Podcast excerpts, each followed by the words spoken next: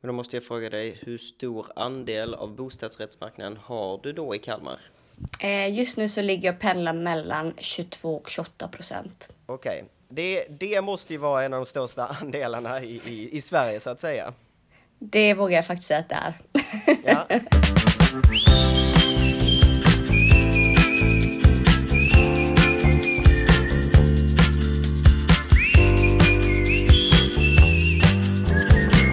Välkommen allesammans till Visning pågår, en podcast med mig Magnus Nettmar. Detta är en podcast för dig som ska köpa, sälja, förvalta eller förmedla en bostad.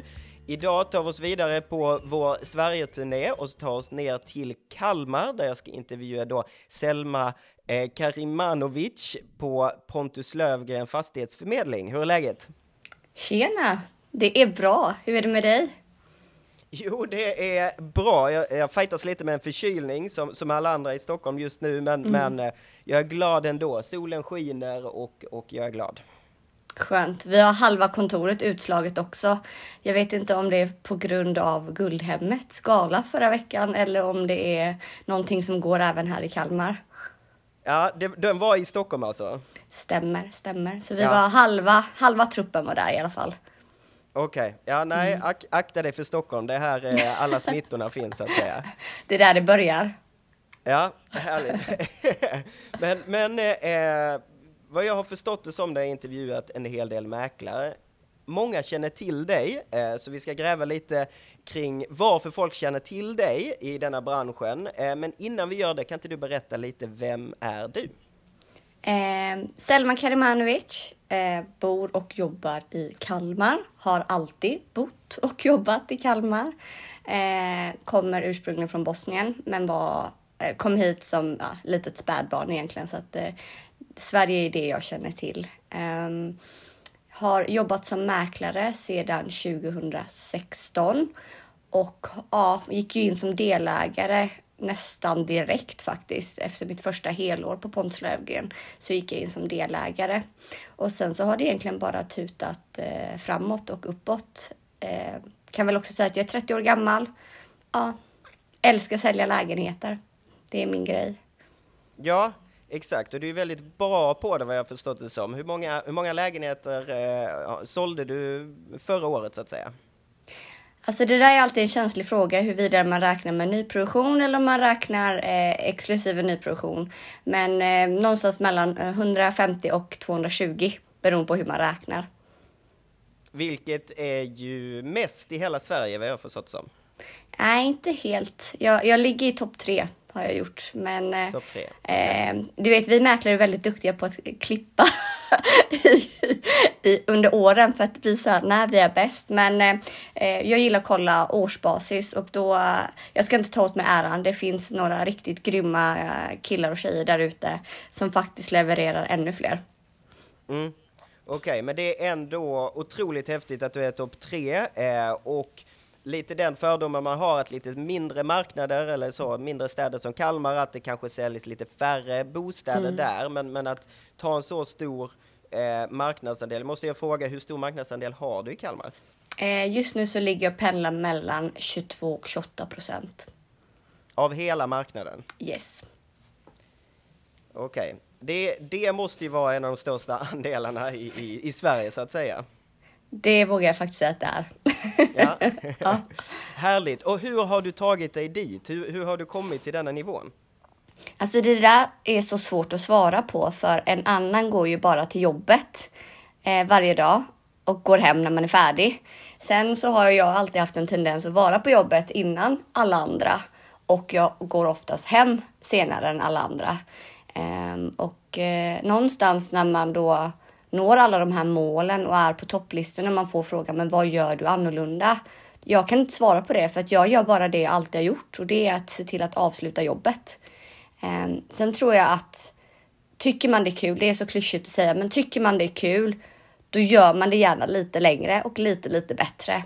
Ehm, och sen har jag en inre motor i mig som hela tiden drivs av att överprestera. Alltså om kunden säger en viss summa som de är skitnöjda med så vill jag ändå prestera ännu mer. Eller om min chef säger att men når du det här målet så är vi så glada och så nöjda med dig. Då vill jag alltid nå ännu mer. Och jag tror att den inre motorn, vad jag har förstått, är inte given hos alla idag. Oavsett om man är säljare eller vad man jobbar med. Eh, och den motorn har nog tagit mig dit jag är idag. Mm. Ja, jag förstår, men var det här ett mål från början att du skulle liksom nå de här topparna eller har det liksom bara blivit? Eh, vi på, eh, I vårt bolag Pontus AB så eh, skriver vi ett blogginlägg varje vecka som alltid syns i den lokala tidningen. Och när jag var helt ny mäklare, eller jag var inte ens ny mäklare, jag var mäklaradministratör. Jag hade precis börjat på bolaget. Detta var 2015. Då skrev jag ett inlägg i Barometern där jag skulle presentera mig då. Eh, vem jag var och vad jag hade för ambitioner. Um, och då skrev jag att um, jag vågar knappt säga vad jag drömmer om för att jag vill inte verka tokig. Men jag är inte här bara för att bli bäst i stan. Jag vill bli bäst i Sverige.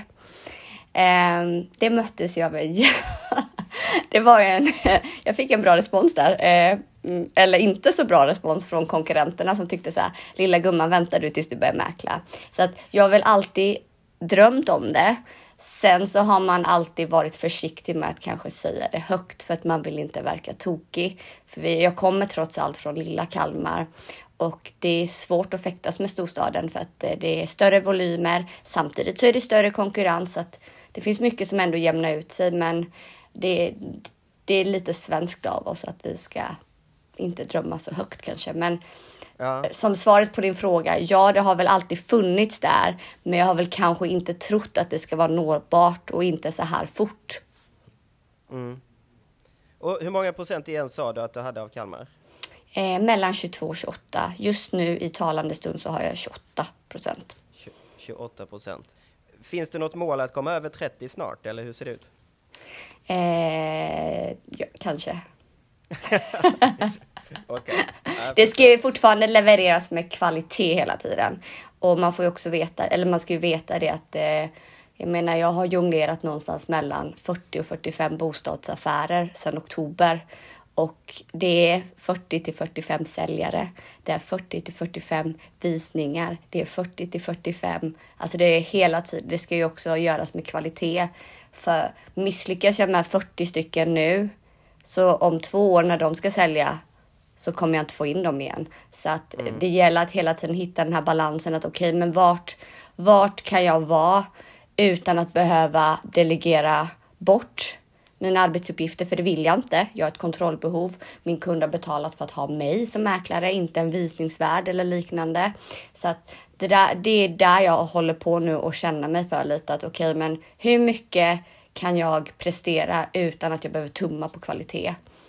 För. Kalmar är en liten stad, här kommer du inte undan. Gör du bort dig eller ja, men, missköter du dig, det kommer upp till ytan direkt.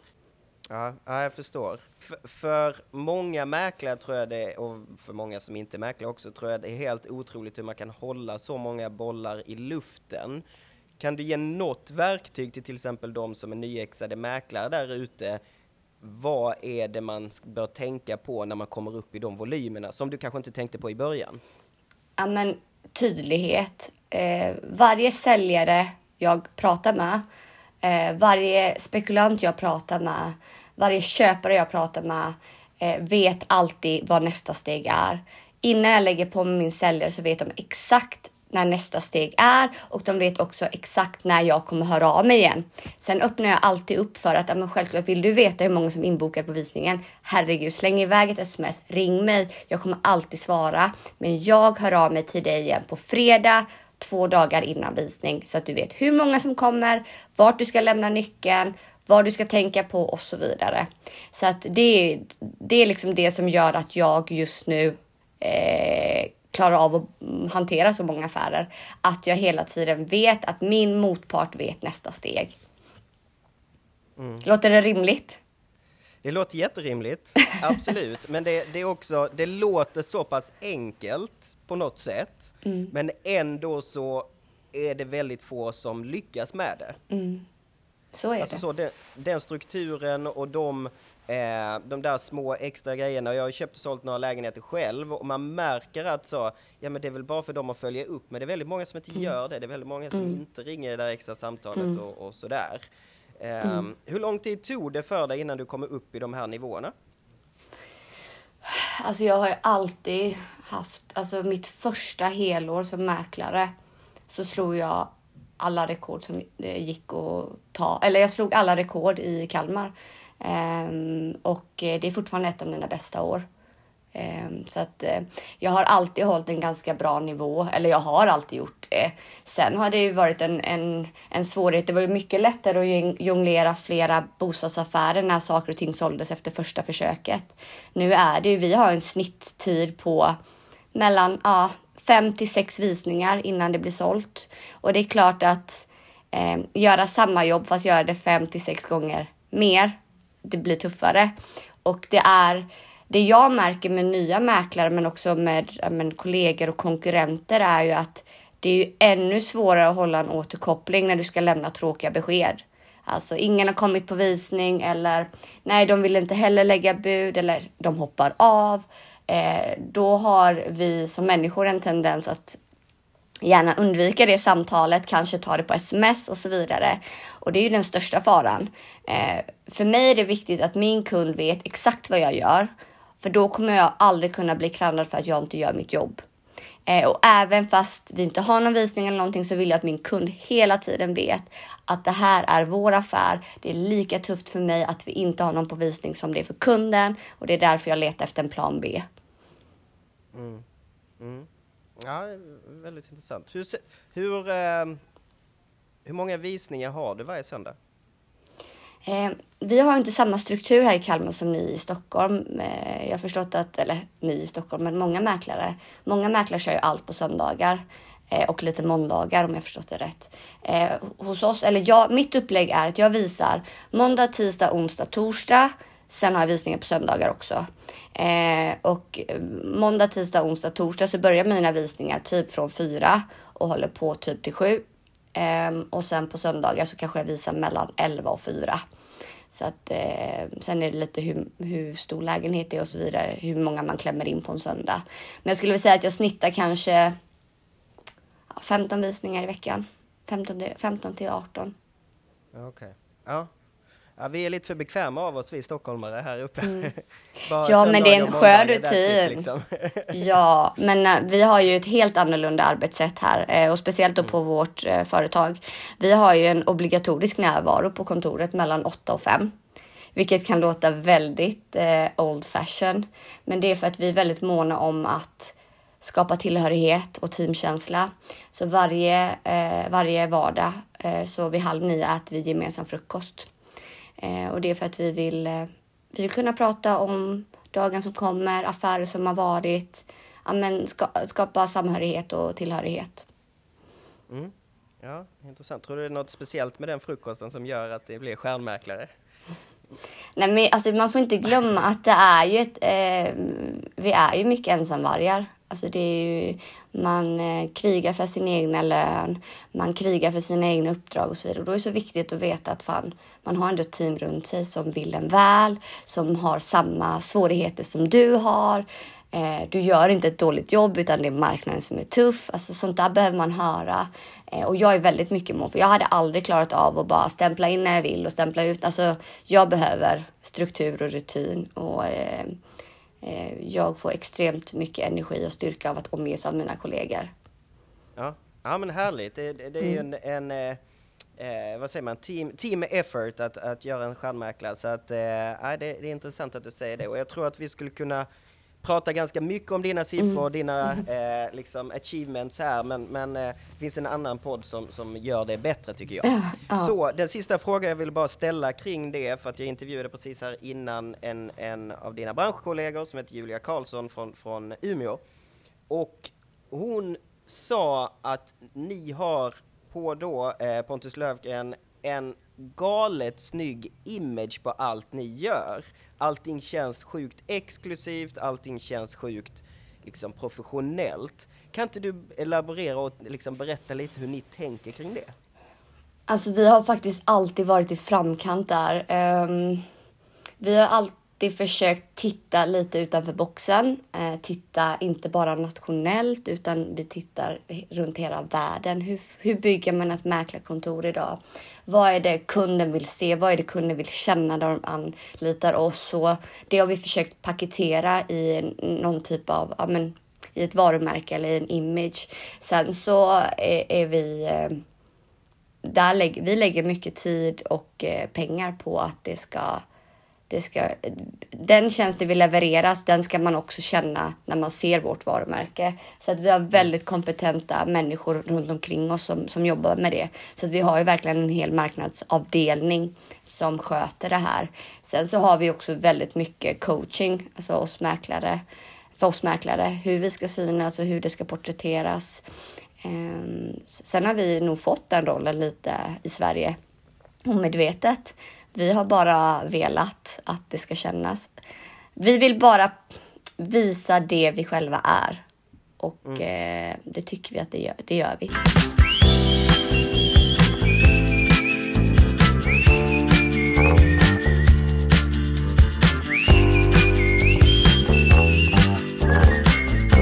som aldrig varit i, i Kalmar, eh, kan inte du be beskriva lite hur Kalmar är uppbyggt och de olika stadsdelarna är uppbyggda? Ja, men Kalmar är ju en stad på ja, närmare 70 000 invånare. Ehm, de flesta, som, eh, de flesta förknippar Kalmar med Öland eftersom vi har ju väldigt nära till Öland och Kalmar är den staden man för, kör förbi för att komma till Öland. Så att de flesta känner ändå till Kalmar i och med att det är en eh, förbipassage till Öland. Eh, otroligt vacker stad. Väldigt många som flyttar hit och som aldrig flyttar härifrån. För att man tycker att den erbjuder precis allt det man vill ha. Eh, och närheten till vatten eh, och hav är ju aldrig fel heller. Vi har, men precis som alla andra städer, eh, väldigt mycket bra områden. Eh, vi har några få exklusiva områden och sen så har vi de områdena som... Jag skulle, jag skulle inte säga att vi har några dåliga områden alls, men det är de, några områden som kanske vissa undviker. Eh, men generellt så finns det inget område i Kalmar som inte säljer, utan allting, allting har sin kund. Ja, härligt. Kan du berätta liksom de olika områdena, sådär, vad de heter och vad det är för typ av bostäder som finns där? Alltså det finns jättemånga områden, eh, men eh, Varvsholmen är väl det som faktiskt är det mest exklusiva området. Eh, det är ju uppbyggt sedan typ 2009 började byggas, så det är liksom mitt i stan fast på en liten ö kan man säga. Um, och där har vi ju toppnoteringen i Kalmar och det var en lägenhet som jag sålde för 20 miljoner. Så jag tror att den landade på typ 107 000 per kvadrat eller något, vilket är extremt högt för att vara Kalmar. Jag tror att eh, den näst högt, högsta noteringen ligger på typ 70 000 och snittet på Varvsholmen ligger någonstans kring 55 000. Så där har vi verkligen liksom det exklusiva. Det är råbetong, det är panoramautsikt över Ölandsbron, vatten, ah, du vet, allt det man önskar om man vill vara på topp. Miami fast i Kalmar så att säga. Exakt, exakt. Eh, och tittar man sen på villasidan så har vi ett område som heter Kalmarsundsparken. Det är mer eh, liksom naturskönt men fortfarande väldigt nära stan. Eh, och det är där vi har de alla liksom, pampiga stora kåkarna som är sedan kanske 20-talet och så vidare. Så att eh, det, det är väl det mer exklusiva området i, eh, i, i sett till villor. Ehm, sen har man de här standardområdena som Norrgård, låg avgift, bra föreningar, fem minuter in till city. Ehm, många gånger så frågar folk mig så ja men vilka områden mäklar du i? Alltså, Kalmar är så pass litet så att här mäklar vi överallt. Det finns inget område som jag säger nej till utan vi finns överallt för det är så pass litet. Okej, okay, okej. Okay. Men håller man sig bara inom Kalmar eller man går runt alltså utanför också eller Kalmar län eller hur ser det ut? Ja, alltså, eh, villamäklarna jobbar lite med Kalmar län, men vi, har, vi försöker hålla oss inom en radie på typ, ja, inte mer än två mil. Öland är ju lite speciellt. Där finns ju alltså Borgholm och sånt som, som är lite mer lyxigt och där, där jobbar vi också. Men eh, vi försöker ändå hålla oss någonstans i kärnan. Okej, okay. ja, jag förstår. Mm. Och vilka typer av bostäder är lite mer så exklusiva? Du nämnde lite mer så nyproduktion eller från 2009 mm. sa du. Är det det som är största delarna av Kalmar eller det finns även de sekelskiftesvillorna och, och lägenheterna? Mm, sekelskifte finns det typ två eller tre kvarter av. Eh, och de är också alltid jätte, jättepopulära i och med att det finns så få av dem. Eh, men generellt så är det mycket 60-tal i Kalmar. Mycket 60-talslägenheter, så det är inte skitroligt, men det är det vi har. Så att mycket byggdes under 60-talet eh, på just bostadsrättssidan. Eh, och sen så är det mycket nyproduktion eh, generellt. Eh, och det är väl lite det som också har gjort att bostadsmarknaden i Kalmar ser väldigt annorlunda ut mot eh, resten av eh, Sverige. För vi hade ju det blev ju som en nyproduktionsboom för bara något år sedan när helt plötsligt så skulle man bygga på alla håll och kanter i en stad som man inte hade byggt på på väldigt, väldigt länge. Och då från ingenstans så skulle vi liksom hitta köpare till massa tusentals bostadsrätter, vilket gjorde att marknaden blev helt förskjuten och lite annorlunda då. Så att när pandemin och allting kom men även försvann så hängde liksom inte våra siffror riktigt med med verkligheten. Eh, och det är många, både Stockholmsmäklare men också mäklare från Göteborg som har frågat hur kan det se ut så här i Kalmar? Och svaret är att nyproduktionen stökade till det lite för oss. Okej, okay, men i form av att det fanns alldeles för högt utbud? Eh, snarare tvärtom att vi gick från ett relativt lågt utbud till extremt mycket på extremt kort tid. Och problemet ja. var ju inte nyproduktionen i sig, för att nyproduktionen byggdes oftast i väldigt attraktiva kvarter som folk hade väntat på väldigt, väldigt, väldigt länge. Men problemet blev ju de bostäderna som skulle säljas i samma veva som dessa köptes. Så det var där vi fick en explosion av bostäder på marknaden. Och det okay blev ju liksom att det hängde inte med. Och all nyproduktion stod ju klar ungefär samtidigt. Mm. Och kunde man se en stor dipp i marknaden då? Snarare att det blev som ett vakuum. Att allting bara stod stilla. Okej. Okay. Mm. Okej, okay. men då alltså så, det brukar ju vara så när utbudet är större än efterfrågan så liksom priserna går ner några procent. Mm nu är vi i Småland vet du. Nu är vi i Småland. Här, här. Folk, är, folk vill inte att priserna ska gå ner. Så att säljarna höll ju hårt i sin liksom värdering. Um, så att uh, den, den, det tog faktiskt... Uh, folk var ganska iskalla här som säljare. Att även fast man sa att alltså, du kommer inte få ditt sålt. Så var det så här, nej men då, då får det vara. Så att, eh, ja, den är... Kan man märka det generellt att det är tuffare marknad i Småland? Att de, de snåla, snåla smålänningarna eh, skiter i vad, vad du säger utan de vill ha sina pengar? Ja, alltså jag är ju bara en säljande mäklare för många ja. köpare så. Men, eh, nej, men jag tror att det finns en större eftertänksamhet i Kalmar kontra storstäderna eh, för att eh, jag, i, i Stockholm är det så här, men om inte jag köper den så kommer någon annan köpa det. Så det blir, det blir liksom att jaga eller bli jagad. Men här är det mer så här, om jag avvaktar så kommer alla andra också avvakta. Och så sitter du där i en budgivning där du har tio stycken som är jätteintresserade. Men jag kommer banne mig inte lägga första budet för att jag vill se vad alla andra säger.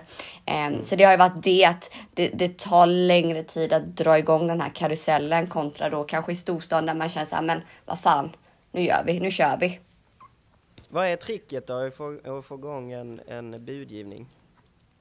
Jag tror att tricket är... Jag vet att min, min chef gillar inte när jag coachar mina kollegor till att och säga det här, men många gånger att vara, var iskall tillbaka. Att eh, okej, okay, men om jag har förstått dig rätt så då är inte du intresserad eftersom du har varit och tittat på den och du är inte redo att lägga ett bud. Då gör vi så att då lägger jag bollen hos dig. Du hör av dig till mig om det blir aktuellt. Annars så träffas vi på någon annan visning. Um, så att ibland är tystnad det bästa vapnet. Sjukt nog. Mm. Men, men jag tror på att gör jag mitt jobb ordentligt på visningen och ger dem all information som de behöver för att göra ett bra val, då ska inte jag behöva dalta med dem i nästa skede. Utan mm. vill de ha den så kommer de ta den och vill de inte ha den, nej då är det inte rätt. Då hittar vi någon annan lägenhet som vi säljer till dem istället. Mm. Tydligheten där igen, trillar vi Ja, till. extremt tydlig och framförallt eh, så jag tror på att de bästa valen görs, gör man själv. Du, jag vill aldrig att du köper eller säljer en lägenhet för att jag säger det. Jag ska ge dig verktygen för att du ska hitta och förstå det beslutet, men det är du som ska ta beslutet. Mm. Men ibland behöver man en liten lätt push för att ta mm. det beslutet. Tror du mm. inte det? Absolut, och den pushen kommer på visning. För att har man som jag då haft fördelen att ha en stor marknadsandel eh, och där jag säljer en stor del av alla bostadsrätter i Kalmar, då har jag oftast en ganska bra kunskap om den här kunden. För vi vet ju alla att det är samma kunder som hela tiden rör sig på visningar. Så jag vet ju exakt när jag träffar Hampus på Vegagatan och han älskar den men han saknar en balkong. Då vet jag att nästa gång jag får in något på Vegagatan med balkong, då är det Hampus jag ska ringa och han kommer ta rätt beslut då. Så att kundkännedom och eh, tydlighet är fortfarande vad jag tror de bästa verktygen för att kunna sälja mycket. Um, och vi alla älskar ju att bli vippade. Så att, uh, att ringa den Hampus och säga, vet du vad? Den där passar ju inte dig. Och jag vet ju exakt varför, för du saknar en balkong, eller hur? Ja, men det stämmer. Ja, men vad bra, jag har en likadan nu. En våning upp med balkong. Är vi redo? Absolut. Ja, men vad bra, då kör vi visning. Och jag tror det är där du skiljer dig från många andra, just att du har, du säljer 200 lägenheter om året, ish. Um, det är fem per, per visning, det är tusen pers du vippar varje år. Jag tror det är där det skiljer sig mellan de som inte gör det. Hur, mm. igen, hur håller du den strukturen att komma ihåg de grejerna? Jag sållar de som inte är aktuella. Okay. Kan man säga ja. så? Enkelt svar, enkelt svar. Nästa fråga så att säga. Vad yes. tycker folk är inte, vad tycker folk är riktigt nice i Kalmar då? Vad är det liksom folk letar efter i sina bostäder? Är det utsikten? Är det balkongen? Är det högt upp i huset? Är det renovering? Vad är det för någonting? Nej, men det är havsnära såklart. Vi har ju väldigt många fina ställen med otroliga utsikter, så det, det ligger absolut högt på listan. Vi har fördelen att ha väldigt mycket lägenheter med balkonger, så det är liksom ingen det finns, så att det, det, tar man nästan för givet idag att det ska finnas. Garage har blivit väldigt aktuellt i Kalmar att man pratar om. Vi börjar märka nu att vi har vi har börjat skapa en problematik kring parkeringsplatser. Så att de här bekvämligheterna eftersöker man gärna. Eh, sekelskifte, just på grund av att det är en bristvara. Vi har knappt, ja, det är inte många fastigheter med sekelskifte. Ehm, så det, det, brukar alltid vara högst upp på listan. Och sen är det de här lite specifika områdena då som inte kommer så ofta heller. Mm, Okej. Okay.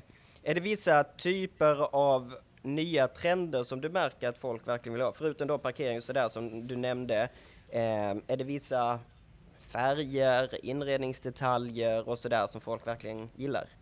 Nej, men det skulle jag inte säga. Det, det är nog inte det som avgör. Folk i Kalmar är ändå väldigt eh, eh, okej okay med att eh, sätta sin egen prägel om det skulle behövas.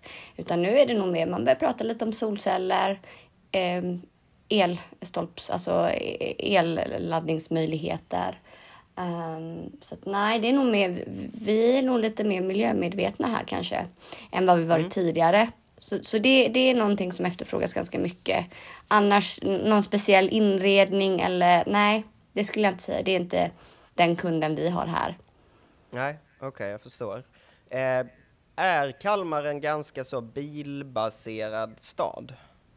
Nej, skulle jag inte säga. Eh, allt finns ju inom cykelavstånd. Jag tror inte den skiljer sig något från eh, någon annan stad. Sen tror jag att vi Nej. har en, en, kommun som gärna vill att vi ska cykla överallt, men okay. det är bekvämt att köra bil. Visningar? Aldrig. Jag är Nej. världens... Där ska jag säga att jag är jätteduktig på att träna och hålla igång. Men jag är världens lataste mäklare i form av eh, motion. Så jag kör, så? Jag, kör, jag kör bil till Granngatan. Det är, okay. Mina kollegor skrattar alltid åt mig när jag säger att jag ska ta bilen till Storgatan och Storgatan är parallellgatan. Men sån är jag. ja, nej, men det är ett vinnande koncept verkar det vara. Att, eh, vissa grejer får, måste man väl vara lite, lite mindre bra på så att säga. Exakt, effektivitet, effektivitet. Effektivitet, ja det låter bra. Um, just när folk ska sälja sina bostäder, tycker du att man då ska styla, renovera eller ska man bara låta bostaden vara? beror på helt vad det är för typ av bostad. Helt och hållet. Jag är ju väldigt mycket för styling, um, men det är en kostnadsfråga här um, och um, folk eh, är inte lika sålda på idén och jag tror att det är lite så här att mm, i en storstad så är det ju mer givet att går du in på Hemnet så är i stort sett allting stylat och snyggt. Och då är det klart, då är det väldigt lätt att förklara för din kund att men gå in på Hemnet. Ska du vara den enda som inte har stylat? Här är det snarare tvärtom, att det mesta är inte uppiffat. Det, det är kunden som har satt dit lite tulpaner eh, på eh, matbordet. That's it. Och då blir det svårt att sälja in något. Eh, och dessutom så har vi ju lägre prisbild här. Och det är klart, säljer jag en lägenhet som kostar 1,2 miljoner och ber kunden styla för 30 000. Det är inte givet. Så att eh, vi har i vår tjänst faktiskt att våra stylister hjälper till. Så att alla kunder som anlitar oss får en eh, en enklare styling i form av piff med kuddar, plädar, blommor, citroner, kryddor. Ja, men du vet det här klassiska. Eh, men jag skulle inte säga att det är givet att eh, det stylas här, även fast jag önskar att det var så. Den där lilla piffen då, hur många, hur många procent mer får man på grund av den? Det är en svår fråga. Jag, tror att, jag skulle säga att det, det är det som gör det sista budet. Mm. Nej, intressant. För ibland kan man tycka så här, men gör de där tulpanerna någonting egentligen? Men, men eh, bygger man en hemtrevlig känsla så kanske det är en 10 000, 50 000, 100 000, who knows? Ja, men jag tror, och tänk bara själv. Det jag brukar, eh, för mig är styling viktigt, men för mig fotografering ännu viktigare. Herregud. Det, jag tar alla dagar i veckan en grym fotograf, en, en, ett stylat uppiffat hem. För att det, den stora prisskillnaden ligger i hur bra bild fotar vi. Det, det är någonting jag verkligen har märkt och nu har ju vi förmånen att ha extremt eh, eh, kompetenta fotografer som dels också då har det här estetiska och konstnärliga i sig. För det är ju det jag vill att man ska ha. För det är skitsvårt som en fotograf att komma in i en lägenhet för första gången och se det där som ska göra hela grejen. Men våra fotografer gör det och det tar jag alla dagar i veckan framför en styling. För att att fota en rätt vinkel kan göra så mycket mer på slutpriset än vad en styling kan göra. Mm. Har ni interna fotografer eller? Yes. Vi har tre stycken inhouse som är anställda hos oss.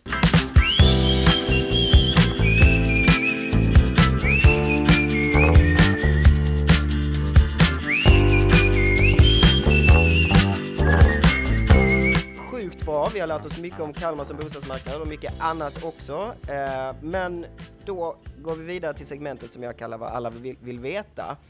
Ehm, hur får man bäst, eh, mest betalt för sin bostad? Tre till fem punkter. Lyssna på mäklaren. Lyssna på mäklaren. Lyssna på mäklaren. Lyssna på mäklaren. Och lyssna på mäklaren. Vi kan ju det här. Det är det här vi jobbar med varje dag. Jag brukar skämta och säga på kontraktskrivningar. Ni gör inte det här varje dag, men jag gör det här varje dag. Eh, och eh, vi kan det här. Så att välj rätt mäklare och välj att lyssna på den mäklaren. Så kommer du lyckas med din bostadsförsäljning. Mm. Varför tror du att folk inte gör det då? Att de inte lyssnar på mäklaren? För att någonstans inom oss så finns det alltid en liten, liten gen som säger att vi vet mer eller vi vet bäst.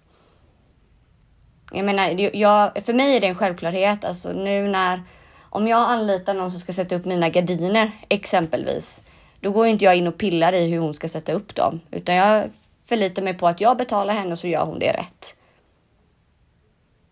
Mm. Ja, nej, det är bra svar.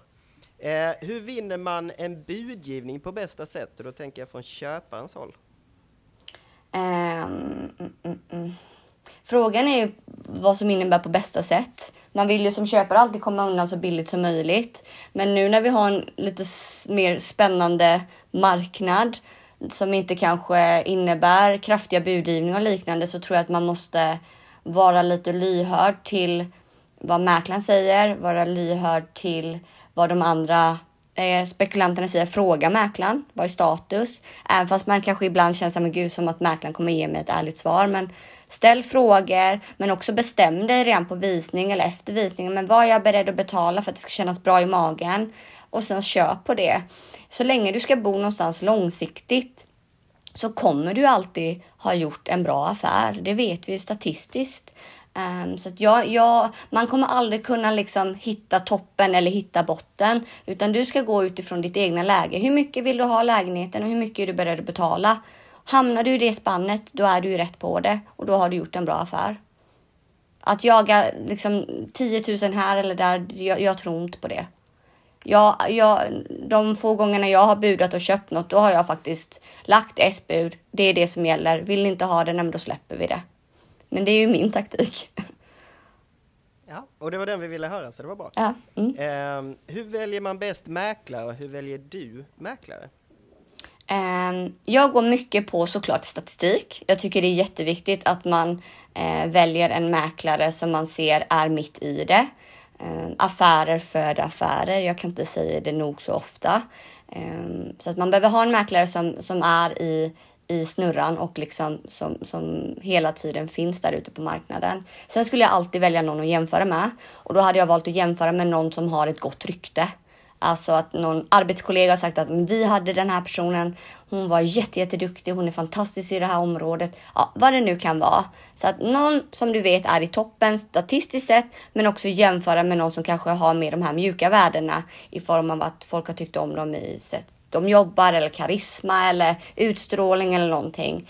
Um, och, och, och, och, ungefär landa i någon av de två.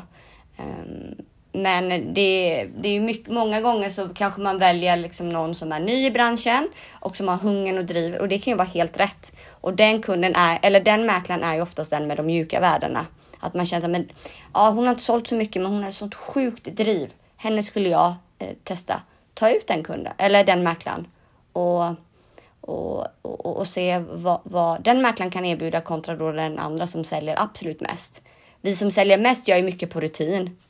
Så är det ju. Alltså, det är ju ingen hemlighet att det är också kanske därför vi kan hålla en så hög nivå för att mycket ligger i rutin och när det är på rutin så behöver vi inte tänka på vad vi gör för vi gör det ändå. Eh, när är bäst tid att köpa eller sälja en bostad? Individuellt. Tänk inte på marknaden utan tänk utgå ifrån ditt egna läge. Det kan ju vara en skitbra marknad att handla i, men du har en kass ekonomi. Då är det fortfarande inte ett bra läge. Och det kan ju vara en otrolig möjlighet för dig ekonomiskt, men kanske att marknaden sviker. Då det är fortfarande ditt läge som är det viktigaste. Hur eh, tycker du man ska tänka i rådande ränteläge? Jag tror att det är jätteviktigt att man eh, träffar Antingen om man kan kolla med mäklaren och få en boendekostnadskalkyl eller prata med sin bankman. Det, det jag känner fortfarande är att det är en stor oro hos kunder för att man faktiskt inte vet vad räntan, den nya räntan innebär i kronor. Jag skulle vara väldigt eh, noga som kund att göra en bra plan för hur kommer min ekonomi se ut med allt som finns framför oss och jobba med buffertar. Superbra. Väldigt bra svar på dem, eh, det segmentet. Jag tycker att vi glider vidare och vi vill ju höra mer om status på bostadsmarknaden.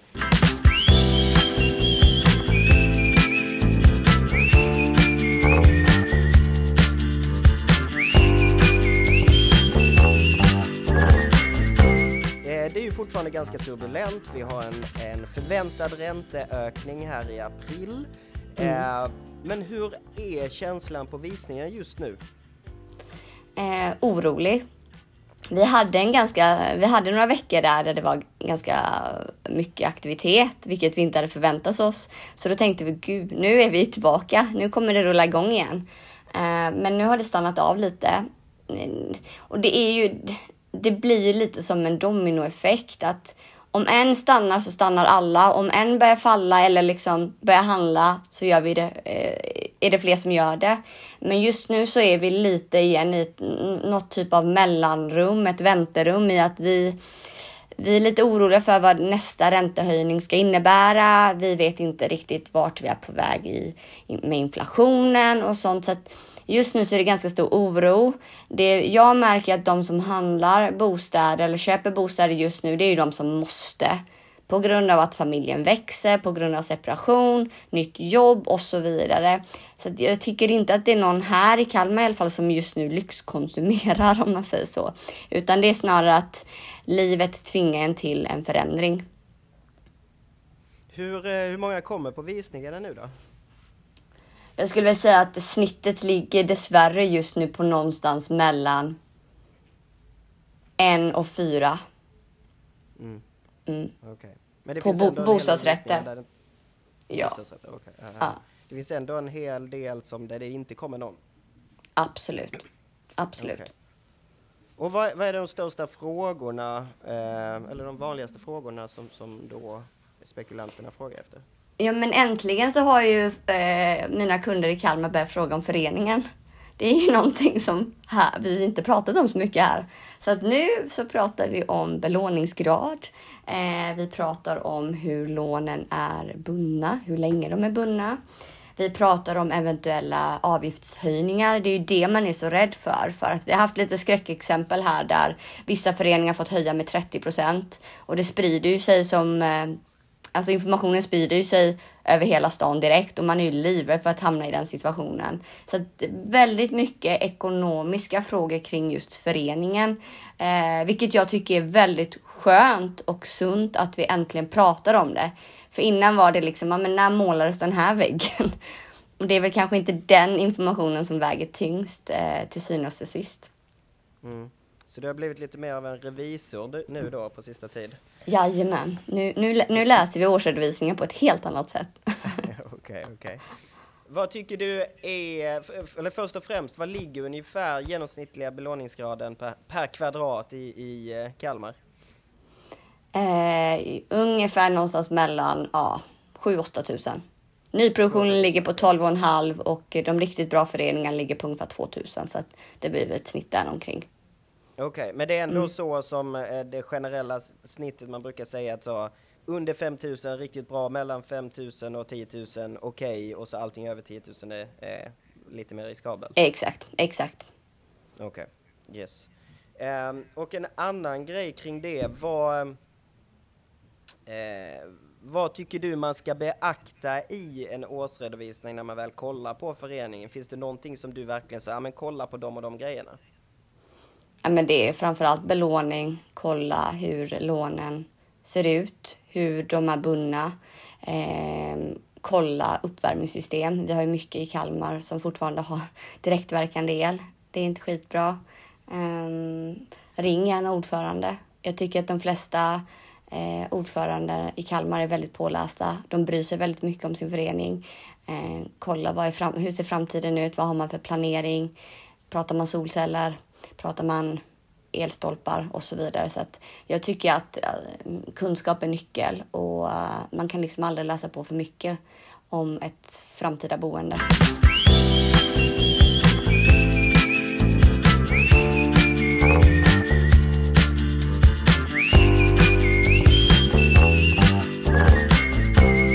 Vi nått slutet av podcasten här och vi har lärt oss otroligt mycket om, om eh, ja, hur man blir en bra mäklare men också kring eh, Kalmar som bostadsmarknad. Men om du skulle kunna ge tre tips till alla säljare och köpare där ute som ska köpa och sälja i Kalmar, vad skulle det då vara? Eh, börja med att se över din ekonomiska situation. Vart är du i livet? Vad har du råd att köpa? Ser det, marknaden har ju bevisligen förändrats, ekonomin har förändrats. Det du kunde köpa för ett år sedan är inte säkert att du kan betala för idag med rådande ränteläge. Så bli påläst kring det. Eh, läs in dig i föreningar när du köper bostad och våga fråga mäklaren oavsett om det handlar om område, ränteläge, budgivning. Vi sitter ju på kunskapen och vi gör ju det här varje dag. Så varför inte fråga någon som kan det? Ja, jättebra. Eh, och det var till både då köpare och säljare? Ja, men det skulle jag nog säga. Mm. Faktiskt. För det är ju samma sak när du ska sälja. Ja, jo. Perfekt, då slår Och vi sen, ja, dem, säljaren ska jag ju säga välj rätt mäklare bevisligen. Men, men det tänker jag att det, Det det nämnde du några på. gånger tidigare så att säga. Ja, exakt. Ja, jättebra. Eh, men igen, eh, Selma, stort tack för denna intervju. Vem tycker du jag ska intervjua nästa gång i podden? Oj, alltid svårt. Du har intervjuat så bra personer redan. Har du haft Benjamin hos dig från Göteborg? Eh, nej, det har jag Ta inte. han. Benjamin. Akirol? Kan han heta så? Vi får Okej. klippa om jag säger fel nu. Ja, Men han jobbar för Länsförsäkringar. Länsförsäkringen i Göteborg. Men då sträcker vi ut en hand till honom och så hoppas vi att Mm. Gör han det. lyssnar på avsnittet. Ännu en gång, stort tack för att du var med. Tack snälla.